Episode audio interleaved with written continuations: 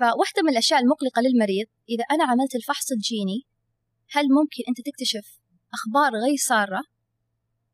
وجود مرض أو جين راح ينبئني بوجود مرض في المستقبل أنا ما أبغى أعرف عنه الحين؟ السلام عليكم أهلا وسهلا. استكمالا لحلقات بودكاست بيطار نستضيف اليوم الدكتورة هناء آل الشيخ. clinical pharmacogenomics specialist في مستشفى الملك فيصل التخصصي ومركز الأبحاث.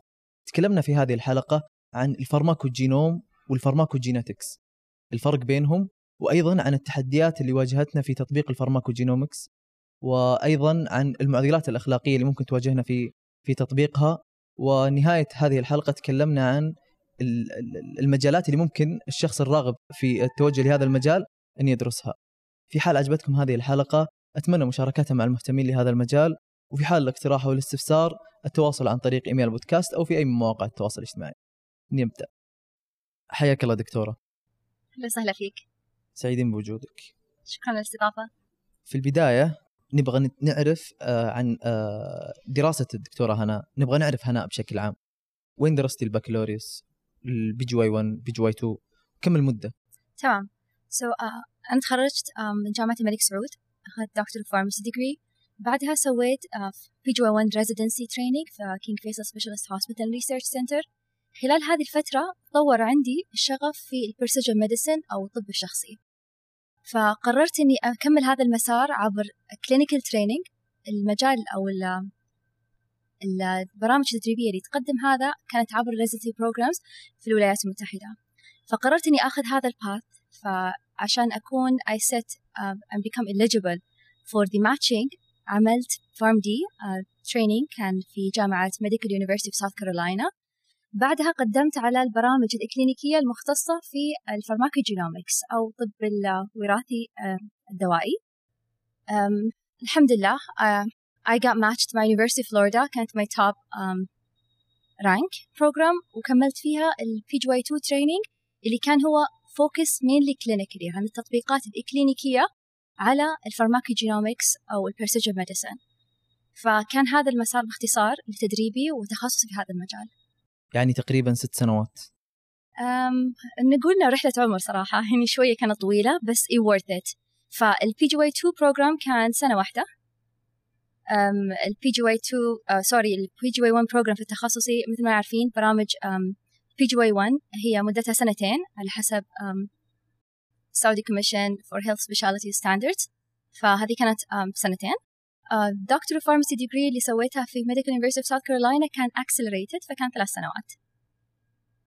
طيب وش الفرق بين ال pharmacogene وال pharmacogenomics؟ هل هي نفس الشيء؟ أو يختلف الموضوع؟ okay تمام. السؤال حلو بس فيه له شوي ابحار فطول بالك معي. so, إحنا عندنا ال precision medicine هذه تخيلها زي مظلة أو الطب الشخصي. فالآن التوجه إني أنا لما أعالج عبد العزيز بعلاج معين غالبا بيكون استجابته غير معالجتي أنا. على يعني بالرغم إن إحنا استخدمنا نفس الدواء بنفس الجرعة لكن يمكن أنت استفدت من هذا الدواء وأنا لا. يمكن أنا طورت عندي آثار جانبية وأنت لا. ففي شيء يخلي عبد العزيز يستجيب بشكل مختلف عن هناء. فالتوجه كان على الجينات.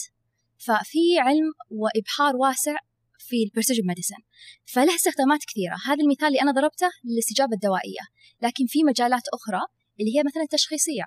يعني أنا أبغى أتوقع أعرف إلى نسبة تأكيدية معينة قد إيش فرص احتمال إصابة المريض X بالسرطان خلال عشر سنوات قادمة.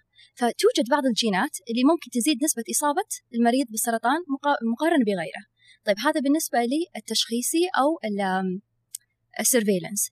طيب عندنا إحنا العلاج الجيني. أنا مريض عندي خلل في إحدى الجينات سبب لي هذا المرض مثلا cystic fibrosis أو مرض التليف آه، الرئوي فالحويسلي فمرضى يولدون فيه هو مرض جيني هو يتوارث عبر الأجيال. للأسف الإصابة فيه خبر غير جيد لأن العلاج معقد وغالي ومتعب للمريض وأيضا للعائلة. فإذا المريض هذا صار عنده هذا المرض فإحنا كيف ممكن نصحح هذا؟ ففي توجه لطريقة أو تقنيات حيوية جينية نحن نكتشف إيش الجين المسبب لهذا المرض وما هي الطفرة الوراثية في هذا الجين فإحنا نحددها ونكتشفها نصلحها ونعالج المريض. فهذه إحدى آه، توجهات الطب التشخيصي. طيب المجال اللي هو تخصصي أنا هو هو ما يتعلق باستجابة المريض للدواء أو أداء الجسم للدواء بعد استخدامه. so, uh, بالنسبة لتخصصي أنا اللي هو ال pharmacogenomics ممكن هو يستخدم هذا المصطلح بطريقة متبادلة مع ال pharmacogenetics طيب إيش الفرق بينهم؟ ال pharmacogenetics هو العلم اللي يدرس العلاقة ما بين طفرة واحدة واستجابة المريض للدواء. ال pharmacogenomics نوعا ما هو أشمل ممكن أكثر من طفرة عندنا. إذا تواجدت هذه الثلاث طفرات مثلا في هذا المريض راح يتم حدوث هذه الاستجابة أو المتوقعة للمريض. ف pharmacogenomics نوعا ما شوي أشمل أكثر من so, uh, هذا هو بشكل عام uh, المثال اللي ذكرته في البداية اللي يفسر ال pharmacogenomics وتطبيقاته العملية uh, في حياة الممارس الصحي عند تقديم الرعاية الصحية للمريض. كيف ممكن إحنا ندرس وجود طفرات معينة في الجينات وكيف المريض راح يستجيب لها؟ سواء إن المريض قد تكون استجابته أفضل أو أقل أو متوقعة أو من ناحية ال safety أو الأمان الدوائي إن هذا المريض عرضة لحدوث هذه الآثار الجانبية الغير مرغوبة أكثر من غيره. فتصور إن عندنا إحنا أحب إني أنا أشبهها figures لما تكون عندنا ملونة ولا ابيض وأسود. أبيض وأسود إني أنا أستخدم هذا الدواء للمريض بالجرعة الموصاه في ال label آه، أو الملصق الدوائي للعلاج أو توصيات آه، بناء على ال guidelines ولا التوصيات العلمية من الجهات المعنية. فهذه نفس الجرعة عند هذا المريض اللي عنده هذا التشخيص. طيب إذا أنا حبيت أضيف زيادة أضيف شوي ألوان أبغى أعرف معلومات أكثر عشان أعطي المريض بالضبط الجرعة المناسبة له أو الاختيار الأصح للمريض آه للدواء الصحيح. فهنا أنا نقوم بعمل بعض الاجراءات الفحص الجينية اللي عليها دراسات مثبتة. طبعا علم الجينات علم مرة كبير فنتوقع انه قد يؤثر على جميع الأدوية لكن الأفيدنس أو المعلومات الطبية حاليا مركزة على عدد من الأدوية لكن هي في ازدياد. يعني اليوم غير عن أمس إن شاء الله في المستقبل راح تكون متوسعة أكثر. فهذا المريض نوعا ما محظوظ فحصناه الفحص الجيني استثنينا الأدوية اللي غير مف... غير مناسبة لحالته. ركزنا على الخيارات الأفضل له إن هذه الأدوية اللي غالبا راح تتم عملية استقبالها من قبل المريض بطريقة سليمة نافعة للمريض وراح تقلل علينا التجربة والخطأ. يعني بدل ما أستخدم لهذا المريض هذا الدواء مثلا نضرب مثال سترالين. هذا أحد أشهر ال SSRIs أو مجموعة علاجات الاكتئاب والقلق. فالمريض لما يجينا عندنا في العيادة مصاب بالقلق جديد. عندي مجموعة أدوية أي واحد منها أختار. في طرق الاختيار وتقليص الخيارات. لو أنا أضفت الفحص الجيني غالبا راح أستثني يمكن أربع أدوية زيادة وأرشح أدوية أخرى لو عند المريض طفرات جينية تتعلق بالاستجابة. فهذا شيء حلو بدل ما يستخدم الدواء أربع أو ست أسابيع بعدين ما ينفع ويرجع لي العيادة أنا ما استفدت. بعدين أربع ست أسابيع زيادة أنا طلعت لي آثار جانبية زاد الوزن عندي. وهذا شيء مو مقبول. وأغير الدواء آخر خلاص أنا استثنيت الأشياء اللي قد لا تكون مناسبة للمريض.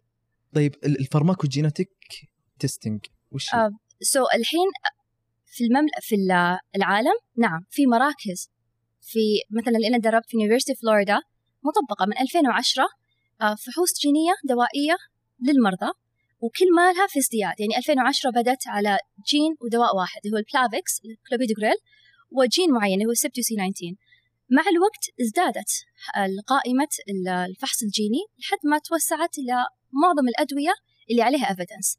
هذه في المراكز اللي بدأت في الفحص الجيني واستزرعته منذ زمن. هنا في السعودية في توجه يعني لما تحضر مؤتمرات آه، لقاءات علمية نسمع عن pharmacogenomics في استعداد لبدايته هنا. لكن هل بدأناه في المستشفيات الكبرى في السعودية؟ لا لسه بس إن شاء الله عما قريب بإذن الله. وبرضه نبغى نعرف عن آه، مشروع الملك فيصل التخصصي لل pharmacogene. طيب سؤال حلو. حاليا إني راح أتكلم عن مثلا مستشفى الملك فيصل التخصصي اللي المكان اللي أنا أشتغل فيه وتجربتنا حاليا. فإحنا نحاول نبدأ الفحص الجيني وإحنا في هذا الصدد الآن. فالفكرة إنك أنت تختار مجموعة أدوية عليها evidence أعلى وعليها genetic testing تقدر توفرها أنت في المستشفى. تبدأ بهذه الدائرة الصغيرة في مجال معين يعني مثلا نقول أمراض القلب أطباء أمراض القلب. إحنا راح نسوي لهم education نهيئ البيئة لاستقبال هذا ال genetic testing نختار الأطباء اللي متحمسين عندهم علم نعمل خطة بدايه الفحص الجيني لأنه مبدأ جديد نوعا ما. طيب ونبغى يتم استخدامه بطريقة صحيحة. إن كيف تلقى طلبة الفحص الجيني في ملف المريض أو في ال EHR Electronic Health System. طيب إذا أنا سويت ال genetic test وين بيروح؟ هل بيروح المختبر المركزي في المستشفى ولا راح يطلع مختبر آخر؟ بعد ذلك لما تجي نتيجة أنا كيف أتصرف هذه النتيجة؟ إيش معناتها؟ مين راح يفسرها لي؟ فطلعت لي النتيجة الآن طيب الآن المريض هل هو مستعد إن إحنا نطبق له التغييرات في الدواء أو لا؟ هل هو فاهم ليش فا...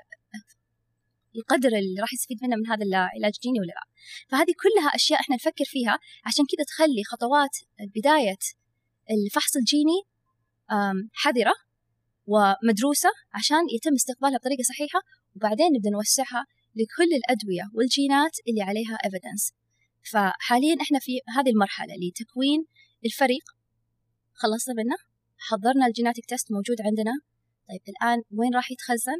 غالبا راح يكون بطريقة إلكترونية في ال medical record لل patient بحيث إنه يكون موجود هناك للطبيب اللي طلبه والاطباء الآخرين في المستقبل لأن إحنا نبغى هذه المعلومة تكون موجودة بشكل مستمر. طيب وش التحديات اللي ممكن تواجهنا في uh, تطبيق هذا الموضوع؟ تمام، سو so, التحديات هذه كثيرة، كل شيء جديد غالبا يكون في حذر تجاهه فيكون في تحديات، بس الحلو فيها ان إحنا لما نشوفها بطريقة تعطينا دافع إن نتعلم منها. هي كدروس وإحنا نطبق عليها هي دروس تعلمنا عشان نوفر أفضل تجربة لإحنا كممارسين صحيين وأيضا للمرضى. فنعم يوجد تحديات. يعني أنت لما تقدم خدمة جديدة غالبا تحتاج تقنع stakeholders أو المنظمين الأشخاص ذوي السلطة الممارسين الصحيين اللي يبغون أو اللي راح يطلبوا ال genetic testing وهم خط الدفاع الأول. هو الطبيب هو اللي يشوف ال patient أو هو اللي راح يطلب ال genetic test وهو اللي راح يقدم الرعايه بناء عليه. وأيضا الصيدلي الأخصائي في هذا المجال والصيدلي ال clinical ف توضيح دور ال genetic testing هذا يعتبر نوعا ما تحدي لازم يقدم بطريقة صحيحة عبر good education. ال education هذا يبدأ من مراحل الدراسة آه، للكليات الطب والصيدلة تمتد إلى برامج تدريب المختصة وراح نتكلم عن هذه بعدين أن كيف إحنا نطلع أشخاص ملمين بهذا المجال ويستخدمونه بطريقة أفضل وكمان مستعدين هم يوسعونه عبر دراسات. إحنا عندنا الآن علم وتوصيات لكن we want to expand. لأن مثل ما قلنا عندنا جميع الأدوية غالبا تتأثر بالجينات لكن اللي إحنا نطبقها حاليا عدد جدا محصور. فنحتاج أشخاص واعيين وأخصائيين على علم بهذا ال genetic testing حتى يتم زرعه وتوسيعه بطريقة أكبر على نطاق أوسع. فهذه إحدى التحديات. التحديات الثانية ممكن إحنا نقول ال capacity أو إحنا عندنا ال bandwidth ان إحنا نبدأ ال genetic testing ولا لا؟ فالفكرة جميلة وإحنا مستعدين نسويها بس يا ترى هل المؤسسة الصحية مستعدة تعملها ولا لا؟ هل عندنا المختبر؟ هل عندنا الأجهزة الطبية؟ هل عندنا الأشخاص اللي trained enough يستخدمون هذه ال genetic testing ويطلعون نتيجة بطريقة صحيحة؟ حتى يتم استخدامها في الحياة اليومية أو خلال ال clinical practice daily basis فلك أن تتصور أنها تحتاج هذه مادة مساحة خبراء فهذه إحدى التحديات. فلما يكون في خطة إحنا نبغى نبدأ ال genetic testing لازم نفكر بهذه العوامل وكيف إحنا ممكن نحلها. يعني مثلا يعني كمثال أنا عندي ال institution عندي المرضى عندي الأطباء والممارسين الصحيين والصيادلة مستعدين نعملها بس ما عندنا ال lab وما نعتقد إن إحنا نقدر نوفر ال lab خلال العشر سنوات القادمة. طيب ممكن إحنا نطلب ال test من شركة خارجية أو نرسله إلى مختبر إقليمي مثلا في الدولة عشان إيش؟ ترجع لنا ال genetic testing results بشكل سريع. يعني ما أرسله لأوروبا ويرجع لي بعد ثلاث شهور بعد المريض ما استخدم الدواء وخلاص صار متأخر. فهذه بعض التحديات لها حلول ونتعلم منها. في تحديات صراحة كثير. يعني أنت تقدر تتخيل وتقترح علي بعض التحديات؟ مثلا سعر الأدوية. يعني بعض الأدوية ممكن سعرها يوصل 10 مليون ريال. صح نقطة مرة مهمة اللي هي الكاست أو التكلفة سواء للدواء الجيني أو العلاج الجيني أو للفحص الجيني بحد ذاته. فالفحص الجيني مكلف. لكن هل في دراسات حاليا آه تم عملها بطريقة آه جيدة وقوية بحيث أنها تبين لي قد إيش ال genetic testing لما سويته في ال practice وفر عليه ولا لا؟ ما في. يعني هذا أعتقد أنه مجال جدا جميل عشان نبدأ نبحر فيه ونشوف عشان نثبت إنه والله هذا ال genetic testing لما طبقته it's cost effective. It saved a lot of money. فأنا المفروض إني أوسعها أو أزرع بطريقة أوسع عشان سواء short term goals ولا long term goals. فدائما في بالنا ال genetic testing غالي. إحنا راح نطلبه وراح يكلف المعدات الطبية من زمان. لكن في دراسات قديمة يعني أتذكر طلعت على بعض ال cost cost efficacy or cost analysis studies اللي تم عملها مثلا back in 2016 بعضها أظهرت إن breaking even. يعني أنا سويت ال genetic testing وفرت على المريض حدوث الآثار الجانبية أو استخدام الدواء الغير مناسب وتبديل ما بين الأدوية. فصار في breaking even. يعني تكلفة العلاج الجيني أو sorry تكلفة الفحص الجيني لما عملتها في النهاية ردت لي نفس اللي أنا ال amount اللي I invested in it or إن نوعا ما وفرت لي زادت لي نوعا ما إن cost saving. فهذه كانت دراسات قديمة. فما بالك الآن لما نعمل دراسات في هذا الوقت لما صارت شركات الفحص الجيني كثيرة ففي منافسة لما يكون في منافسة تقل التكلفة. وفعلا يعني إحنا لما نقارن الشركات الحالية موجودة في السوق أسعار ال genetic testing مرة قلت لما تقارنها الآن بما هو في السابق فعلا مرة قليلة. فمتأكدة إن شاء الله ال cost ال analysis studies لما يتم عملها الآن إن قد إيش أنا وفرت زيارات للإسعاف عشان معالجة الآثار الجانبية للدواء. تغيير الدواء كذا مرة فالمريض يستخدم الدواء بشكل غير نافع لفترة طويلة فهذا أيضا تكلفة. البيشنت ما استخدم الدواء خلاص. uh, they they're not agreeable on the medication or the treatment وبعدين ال disease status uncontrolled. فهذه كلها يعني appealing opportunities to do pharmacogenetic testing and do cost analysis to see عشان تكونفنس أنت عشان تقنع الإدارة تقنع المنظمين أو الأشخاص ذوي السلطة لازم توريهم cost analysis studies وتوريهم إن هذا الشيء cost saving.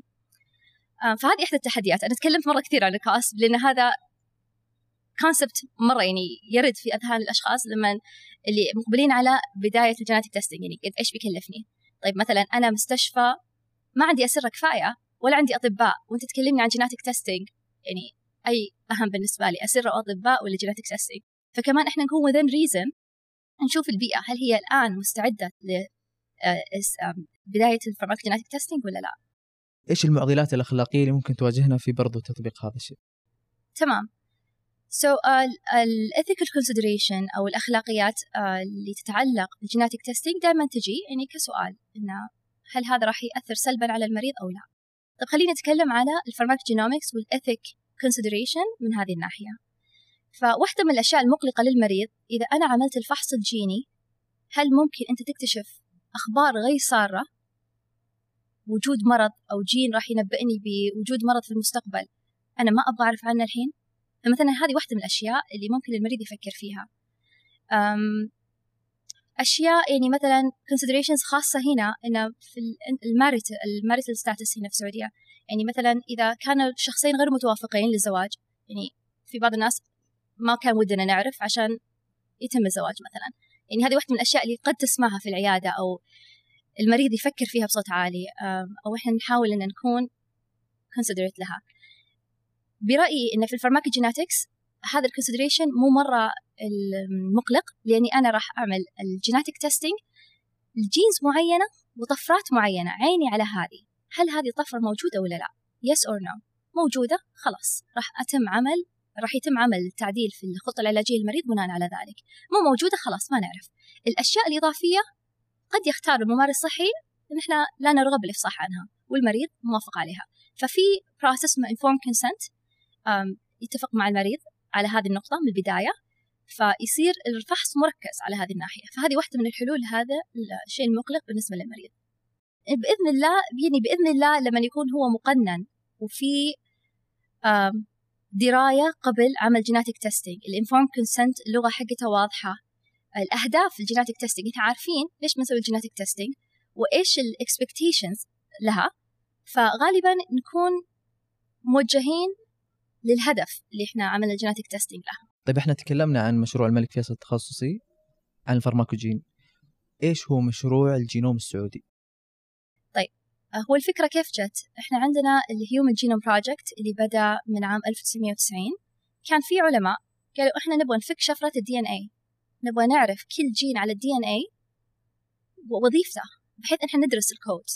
عشان في المستقبل لما أنا أبغى أعمل دراسة أبغى أعرف إيش ال normal وإيش ال not normal يعني أنا سويت genetic testing اليوم وعندي هذه الطفرة الغريبة فأصير أقارنها بمرجع. يا ترى إيش هذا المرجع؟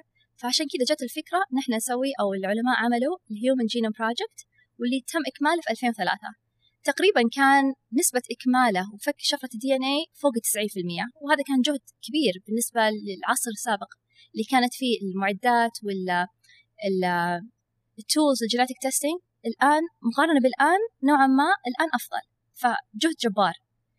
ف المفروض لما تعمل هذه ال genetic test studies أو ال Human Genome Project تحاول تاخذ عينات من مرضى مختلفين عشان تكون representable فانا لما أسوي genetic testing لشخص Middle East واقارنه بال Human Genome Project هل هو مغطى ولا لا؟ يمكن أنا عندي جينات لها طفرات لم يتم الكشف عنها أو دراستها في standard اللي هو ال library هذا ال Human Genome Project فأنا ممكن أفوت معلومة مهمة. فال Saudi Human Genome Project هدفه أن نعمل genetic testing لعدد كبير من المرضى في السعودية خلفيات مختلفة حتى تكون generalizable ونفك شفرة ال DNA لهذه المرضى فتكون هذه هي المرجع لنا طيب الشخص الراغب في التوجه لهذا المجال وين يروح؟ يعني master degree ولا residency؟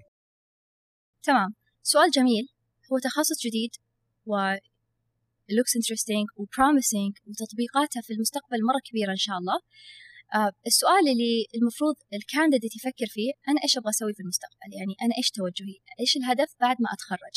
هل أنا أبغى أكون في المسار الإكلينيكي أشوف ال patients وأطبق ال pharmacogenomics on daily basis مع ال patients ولا لا؟ أنا أبغى أكون more scientific وأبغى أسوي translational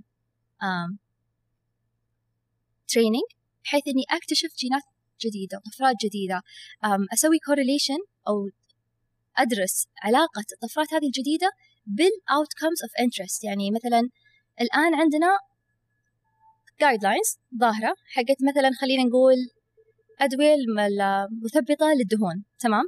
فموجود عندنا حاليا ثلاثة جينات لهذا ال class اللي هو statins طيب نعرف ان في أكثر من هذه الجينات. بس ما عندنا evidence أكثر من هذه الثلاثة.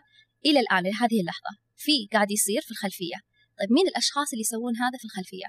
هم الأشخاص اللي يسوون translational research هذا ال focus حقهم علمي أكثر أو pre-clinical هذا شيء مرة يعني جميل للاشخاص المهتمين بهذه الناحية. إن إحنا نكتشف العلاقة ما بين ال outcome of interest سواء كان safety efficacy مع الجينات والطفرات اللي أقل عليها دراسات أقل. في مجالات مرة كثيرة تحت ال pharmacogenomics طيب خلينا الحين نتكلم إن إيش الفرق بين ال two paths اللي هما ال clinical وال translational وكيف توصل لهم. أنا التطبيق حقي أو my training uh, كان mainly focusing on the clinical part ف اخترت ال clinical pharmacogenomics residency هو ال PGY 2 في هذا المجال بحيث إني أكون خط الدفاع الأول مع المريض أو الخط الأول مع المريض. أطبق هذه التعليمات والتوصيات بناء على ال genetic testing للمرضى. فممكن يوضح لك الصورة إنه إيش الأشياء اللي يسويها بشكل يومي على حسب ال training حقي. education تعلم المرضى والممارسين الصحيين عن وجود ال genetic testing إيش فائدته كيف ممكن يفيد المرضى اليوم وكيف بالمستقبل أيضا. توصي بال genetic testing تكتشف المرضى اللي راح يكونون مرشحين كويسين لهذا ال genetic testing والله هذا ال patient على ثلاث أدوية تتأثر بال genetic testing فأنا أعتقد إنه مرشح كويس له فأوصف له أوصيه بالعمل genetic testing أساعد إنه يلقى ال best genetic testing facility إذا عندي في المستشفى ولا أوجهها لشركة خارجية. طيب الحين جانا ال genetic testing كيف نقدر نتصرف؟ أشرح له معنات ال genetic testing وال results كيف تخليه آه على دراية تامة؟ كيف هذا ال genetic testing أثر على الأدوية اللي استخدمها في السابق؟ يمكن هذا ال patient استخدم ثلاث أدوية في السابق ما كانت ناجحة مثلا. فأوضح له هذه العلاقة أوضح له العلاقة على الأدوية الحالية وإيش أفضل الأدوية الحالية اللي ممكن تساعد في تحسين حالته. في المستقبل طب ال patient الحين صغير عمره مثلا 20 سنة أقول له مثلا في المستقبل لا سمح الله بعد 20 سنة لو بديت على دواء مثلا مسيل الدم وعندك هذه الطفرة مثلا X غالبا ما راح تستجيب لهذا الدواء. فهذه معلومة للمستقبل. فشيء حلو عشان نستخدم ال genetic testing بأكبر فائدة ممكنة. لأن نقطة أحب أوضحها إن هذا it's once in lifetime نعمل هذا ال genetic testing مرة في العمر ما يحتاج إنك تكرره لانها زي البصمة الوراثية ثابتة. فيقدر المريض يستفيد من الاختبار اللي عمله اليوم حتى في المستقبل. طيب فهذه من ناحية التعليم وتطبيقه في الواقع. طيب الجزء الآخر من مهمتي ال implementation كيف أطبق هذه ال pharmacogenetics service excuse me في مؤسسة جديدة. ما عندنا إحنا ال genetic testing فهذه بحد ذاتها يحتاج لها implementation science. كيف أنجح ببدايه هذا ال genetic testing في المؤسسة بطريقة ناجحه لأنه ممكن أي مكان يقول خلاص بسويه عندي المختبر يقدر يسوي genetic testing وبكرة ترى جميع الأطباء راح أرسل لهم ايميل اطلبوا genetic testing ترى موجود في المختبر. غالبا ما راح تنجح هذه الطريقة. فأنت تحتاج إنك تعمل implementation science خطة مدروسة. كيف تبدأ؟ فتشوف ال infrastructure في ال institution عندنا ال lab عندنا ال clinics عندنا ال policies and procedures عندنا الأطباء والصيادلة والممارسين الصحيين اللي عندهم دراية عندي فريق. ال IT people مرة مهمين. ال genetic testing لما يصير وين راح ألقى ال results؟ غالبا تكون في ال EHR، أنا ما أبغاها مطبوعة ولا أفضل إنها تكون موجودة في PDF، أحب إنها تكون مثل أي فحص مختبري في ال patient EHR أو electronic health record سهلة موجودة بطريقة واضحة. بحيث إنه يقدر يجدها الممارس الصحي اليوم بعد كم سنة تكون واضحة موجودة دائما. طيب أنا بعدين لما سويتها وموجودة في ال system كيف أقدر أطلع أفضل فائدة منها؟ فهذه واحدة من الأشياء اللي ممتعة نسويها مع ال IT people ف واحدة منها ال CDS alerts اللي هي clinical decision support فهذه لها طريقة يعني أنا الآن عندي ال patient عنده mutation مثلا أو طفرة جينية في C19 هذا انزيم يلعب دور في تفعيل بلافيكس أو كلوبيدوغريل one of the blood thinners أحد مسيلات الدم اللي يستخدم بشكل واسع في ال clinical practice طيب ال patient لا سمح الله جت له فجأة جلطة في القلب. دخل الدكتور order في ال system أبغى بلافكس لهذا المريض. راح يطلع له alert لا تستخدم هذا ال genetic testing لا عفوا لا تستخدم هذا البلافكس لأنه غير مناسب لأن ال patient عنده هذا ال genetic testing هذه الطفرة المعينة وبالتالي الآثار. أيوه ال consequences انه لو استخدمته غالبا بيكون عرضة لجلطات مستقبلية. البديل وأيضا موجود البدائل الأخرى لهذا لهذه الحالة للمريض. آه، البدائل السليمة واللي ممكن تكون أفضل وآمن لاستخدامها. فهذه واحدة من الأشياء اللي إحنا كمان نسويها working with IT people. education research هذا شيء مرة مهم. مثل ما قلنا إحنا ممكن نستخدم التوصيات اللي موجودة الآن في ال literature ونطبقها. بس يعني أكيد إن إحنا عندنا فرصة كبيرة ندرس أكثر genes أكثر ونكتشف علاقة ما بين وجود طفرات جينية في هذه الجينات وعلاقتها بال أمراض آثار جانبية تقبل المريض quality of life. وفي نقطة مرة مهمة يعني أشجع كل أحد حاب يدخل هذا المجال إنه يفكر بهذه الفكرة. ال genetic studies وين صارت؟ غالبا في ال Western countries في أوروبا في أمريكا. فغالبا لما نشوف ال characteristics حقت ال patient 90% Caucasian أو أوروبيين قليل ما راح تلقى Middle Eastern people وإحنا عندنا يعني ثقة كبيرة بين عندنا إحنا طفرات جينية في ال Middle Eastern people قد لا تكون موجودة في الشرق أوسطيين قد لا تكون موجودة في الأوروبيين والعكس صحيح. فهذا بحر بحد ذاته. إن إحنا قد نقوم بعمل هذه الدراسات مرة أخرى هنا باستنساخها مرة ثانية وندخل patients representative to our population. ونكتشف منها معلومات. وفعلا يوجد بعض ال publications أو المنشورات العلمية تبين هذا الشيء انه في novel gene هذا جين sorry آه، طفرة جينية جديدة. فيتم تسجيلها في المراجع العلمية. انها ما كانت موجودة أول. لانها درست في أشخاص شرق أوسطيين هنا. ما كانوا موجودين في الدراسات الأخرى هناك في الدول الغربيه الله يعطيك العافية وشكرا لحضورك. شكرا على الاستضافة. يعطيكم العافية. آه شكرا لكم والله يعطيكم العافية على الاستماع والمشاهدة. شكرا آه، إبراهيم الصغير على إعداد هذه الحلقة دان الدوسري وعبد المجيد مطيري وخالد الشهراني على إدارة هذه الحلقة.